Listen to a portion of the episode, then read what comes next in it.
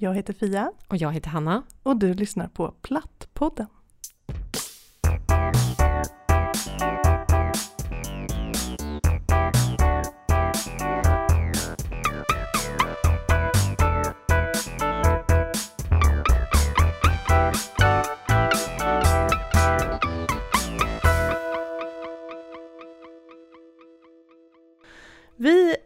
Tillsammans har inte särskilt många bröst faktiskt. Hur många har du Hanna? Jag har ett. Hur många har du Fia?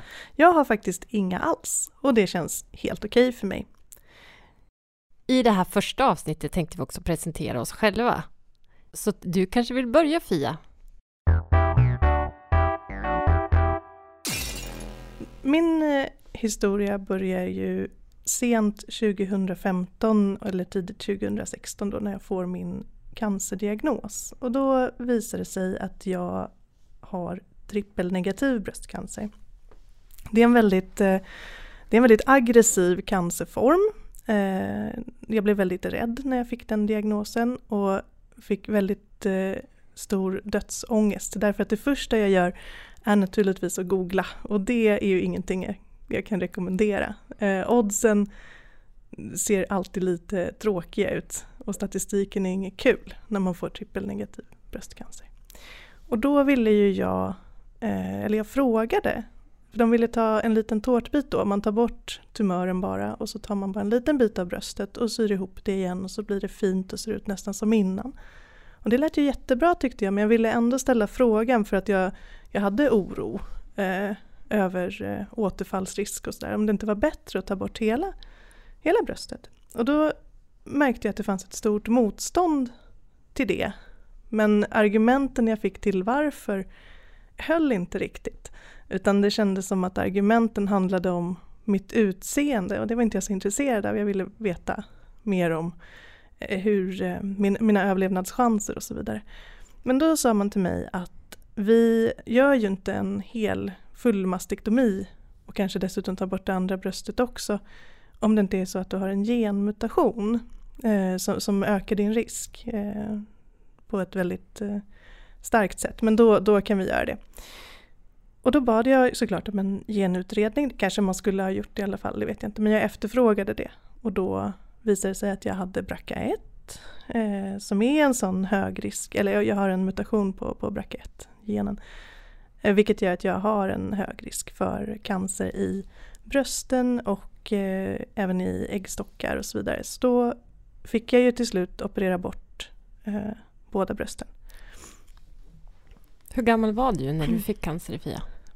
Ja, det var ju en, en ganska stor eh, del av det också. Att jag var ju bara 36. Eh, så då tyckte man att jag var väldigt ung.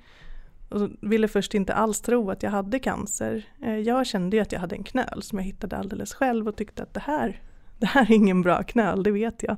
Det känner jag att det här är ju hmm, någonting konstigt. Men eh, då, det ville man först inte ens undersöka så det tog ganska lång tid faktiskt att få det, få det bekräftat. Eh, tycker jag. Men sen, eh, sen så gjorde jag ju då, först, så, först gjorde man ju tårtbitsoperationen och sen så gjorde man genutredningen och så fick jag genomgå cellgiftsbehandlingarna, tappa håret, det här som många förknippar med, med cancerbehandling. Man blir väldigt sjuk, eh, mår väldigt dåligt. Och så sen så till slut så fick jag ju ta bort äggstockar, äggledare, livmoder och båda brösten. Och då eh, så, så berättar man bara för mig eh, ungefär steg ett, steg två, steg tre. Då tar vi bort och sen så sätter vi in en expanderprotes och sen så eh, pumpar vi upp den och, och, så, och så får du eh, en rekonstruktion på det sättet. Och jag ifrågasatte aldrig det. Utan jag, jag, ifrå, jag, jag, ifrågasatte, jag liksom åkte med. Och kände att läkarna säger att så här gör man när man gör en mastektomi.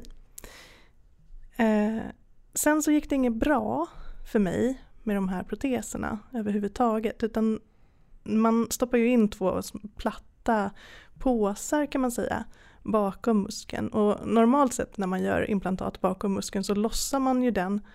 Eh, alltså om man inte har eh, haft cancer. när, man, när man bara vill förstora sina bröst, då lossar man muskeln lite grann.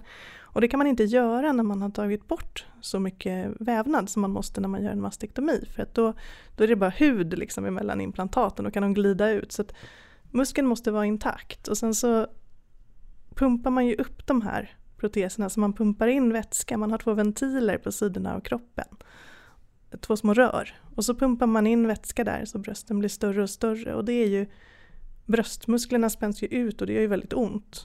Gjorde på mig i alla fall. Det kan ju också vara högst individuellt. Men. Um, och när jag då hade uppnått en storlek som jag tyckte var rimlig så, så fick jag ändå höra att nej men då, då måste vi eh, förstora dem lite till i alla fall. För att eh, man vill få till ett naturligt häng eh, på, på de här brösten.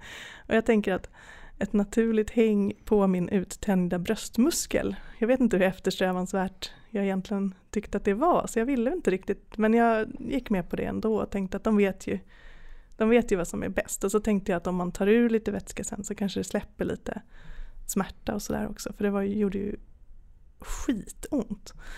Eh, och sen så, så, så, fortsatte vi och de blev aldrig, det blev aldrig något naturligt häng på de där utan det var två jättestora, jättehårda, iskalla eh, raketer. Förutom när jag hade infektioner då för då var de ju varma och röda och svullna förstås. Eh, och implantaten de eh, gjorde inte som de skulle, de vred sig och eh, jag bad att få ta ut dem helt enkelt. Och då, då fick jag först um, då, då blev, ja, först, först så övertalade man mig att byta ut dem bara mot ett par andra silikonimplantat. Eh, för det här var sådana här som skulle kunna stanna i kroppen. Man skulle bara kunna ta ut de här rören, ventilerna, så skulle de kunna stanna i kroppen. Men nu eftersom det var så illa så valde vi att byta ut dem då mot ett par andra silikonimplantat. Och det gör man också genom en till operation då som du fick genomgå? Mm, så då, det, var, det var nästa operation så att säga. Nummer tre. eh, och då ehm, skulle det, skulle det bli bättre. Man, man eh, klöv de här kapslarna som hade blivit och man satte in nya silikonimplantat. Men eh, det blev inte bra för mig utan det kändes fortfarande jättehårt och ont och framförallt så kunde jag känna de här implantaten liksom flytta sig och röra sig eh, när jag rörde mig. Det gjorde väldigt ont. De kändes som de skrapade och det är, det är ju en, det är min känsla och min upplevelse men, men det var så för mig. Och då till slut så tröttnade jag. jag. Jag ville ha ut dem, jag ville inte ha, jag ville inte ha kvar någonting. Och då hade jag ju hittat såna här eh, grupper på nätet, eh, på Facebook. Då hade jag hittat Flattis Unite och Flat and Fabulous. Och det finns flera sådana grupper som vi ska prata om i, i, eh, i andra program sen så, så, ni kan, så alla kan hitta dit. Och där fanns det ju hundratals, tusentals platta kvinnor. Eh, och man jobbade för någonting som hette att man skulle få välja aesthetic flat closure. Det kallas för platt stängning i Sverige idag. Eh, där man, att man liksom kämpar för att man ska få, kunna få välja och bli helt platt och fin. Och, och de, var jätte, de, de var jättefina och stora förebilder för mig. Och jag berättade då för, min, eh, för kirurgen att nu, nu vet jag, jag vill, jag vill bli helt platt, nu vill jag bli av med det här problemet. Jag, egentligen så var ju inte bröst viktigt för mig faktiskt. Eh, jag kände inte det. Så, så vi gör så att vi gör mig helt platt. Och då, mm, det skulle inte vara några konstigheter. Och så kommer jag till operationen och så talar han om för mig, han ritar på mig och ja, men det här vanliga som man gör när man ska operera sig. Nu var vi på operation nummer fyra, eller hur? Eh, och då säger han till mig, du är medveten nu om att det kommer bli hud över här och här och här och här. Och så pekade han i mitten av min bröstkorg och så på sidorna eh, bort mot underarmarna till. Och då sa han, nej men det, det vill inte jag utan jag vill ju bli helt slät och platt nu. Så, så, så kan vi vara klara med det här sen. Ja, nej, mm. Och sen så fick jag sova. Och så när jag vaknade så var det ju ganska mycket hud kvar. Eh, både på mitten och underarmarna och då blev jag jätte, jätteledsen.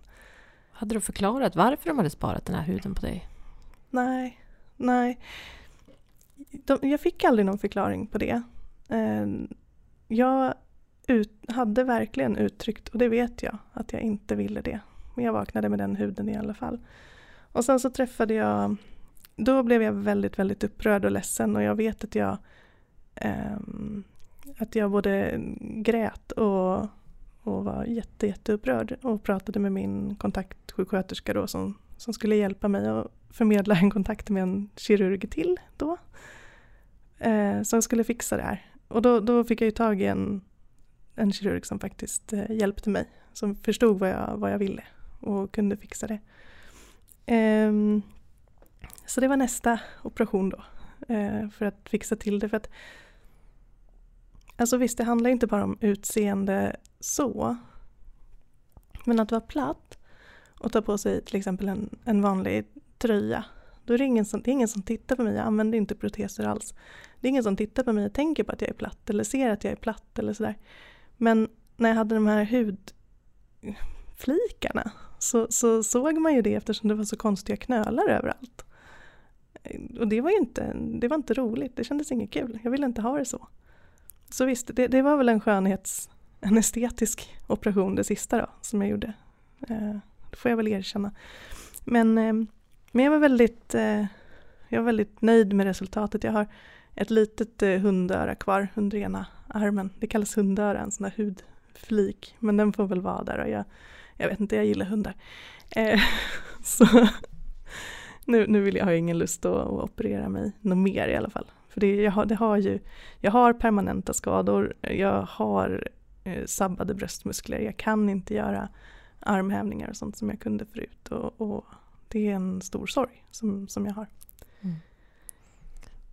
Det är kanske inte helt konstigt efter fem operationer. Nej, det kändes lite... Och sen efteråt också, när så i efterhand när jag har förstått att om, om jag bara hade stannat upp och resonerat, men man gör väl inte det, eller jag gjorde ju inte det. Jag tänkte ganska mycket på cancer och inte så jättemycket på allt det andra runt omkring, så jag åkte ju bara med. Och om jag hade fått en chans att reflektera lite mer och tänka till lite mer så hade ju inte jag tror jag gjort. Kanske den första hade jag kanske gjort ändå men, men när det började gå tokigt så hade jag nog avbrutit betydligt fortare än vad jag gjorde. Mm. Så. Men det som jag har gjort efteråt är att jag gjort en jättestor tatuering över hela bröstkorgen istället. Som jag är jätteglad i. Så, och, och, där är också någonting som folk säger, ja men det spelar ju ingen roll för dig hur du ser ut. Du kan inte säga att du inte ska ha några bröst och sen springa runt och vara fåfäng och göra tatueringar. Men då säger jag att det kan jag väl visst det. Därför att för mig handlade det aldrig om att jag inte är ett dugg fåfäng eller att jag inte bryr mig om hur jag ser ut. Eh, utan det var bara just det här med brösten var inte så himla viktiga för mig i den frågan. Nej, och det är klart att man vill ha ett platslätt och snyggt resultat även om man inte har några bröst. Mm. Det handlar och, och, och blommigt i mitt fall då. Och blommigt. Ja. Via tatuering är helt fantastiskt faktiskt. Det är nyponrosor, de är väldigt fina. Mm. Mm. Så, så, det är väl min historia i stort skulle jag säga. Tatueringar ska vi prata om i något avsnitt också. Det ska vi absolut göra. Mm, det måste vi. Men Hanna, hur eh, ser din historia ut nu? Berätta lite, hur gick det till för dig? Ja, precis som Fia så drabbades jag av trippelnegativ cancer. Och jag hade precis fyllt 40, varit på min första mammografi som visade att jag förstås inte hade någon cancer, vilket jag tyckte var helt naturligt för att jag hade inga riskfaktorer för att få cancer. Men eh, strax efter där då, mammografi, så kände jag faktiskt en knall i bröstet jag också. Så att jag sökte för den och var tvungen att gå till vårdcentralen för att få en remiss för att söka vidare. Och min läkare sa att jag har undersökt tusentals kvinnor med knallar och det har aldrig varit någonting, så det här är inga problem. Men jag skickade en remiss. Så jag var på bröstmottagningen i, i Stockholms centrum och gjorde då en sån biopsi på den här knölen och mammografi. Och då i november så hade jag en ganska ordentlig knöl. Och det visade sig att det här var trippelnegativ cancer. Och när jag opererade bort den i början på december så var den redan en och en halv centimeter.